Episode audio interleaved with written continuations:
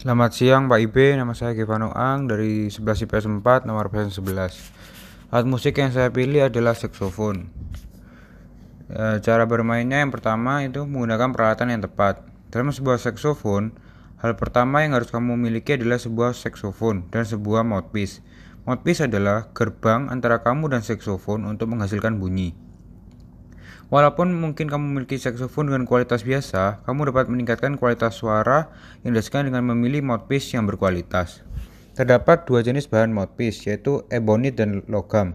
Ebonit adalah jenis karet yang tervulkanisasi sehingga menjadi sedeke, sedemikian rupa kepadatan yang dimilikinya. Jenis berikutnya adalah logam. Logam yang digunakan untuk sebuah mouthpiece biasanya adalah tembaga, kuningan, sampai baja anti karat atau stainless steel. Komponen mouthpiece sendiri terdapat tiga bagian utama, yaitu badan mouthpiece, reed, dan ligatur.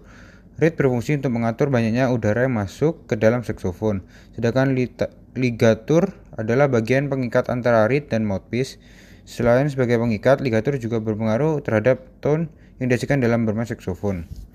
Lalu yang kedua, teknik embouchure. Dalam bermain saksofon, kamu akan mengenal yang disebut sebagai teknik embouchure. Teknik ini digunakan setiap kamu bermain saksofon. Embo, embouchure sendiri diambil dari bahasa Prancis yang memiliki arti mulut sungai.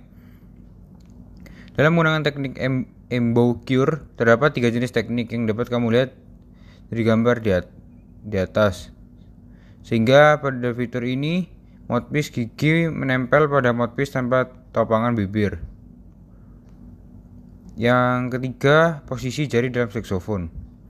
Dalam bermain saksofon, posisi tangan kamu ada yang di bagian atas dan di bagian bawah. Tangan kiri berada di case bagian atas dan tangan bawah berada di key bagian bawah.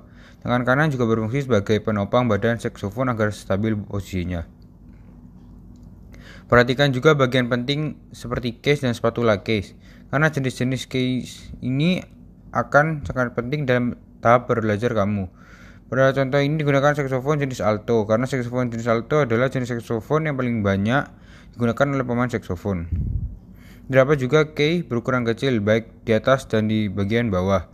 Case ini berfungsi untuk membantu menjangkau not yang lebih luas. Sekian jelasan dari saya. Terima kasih.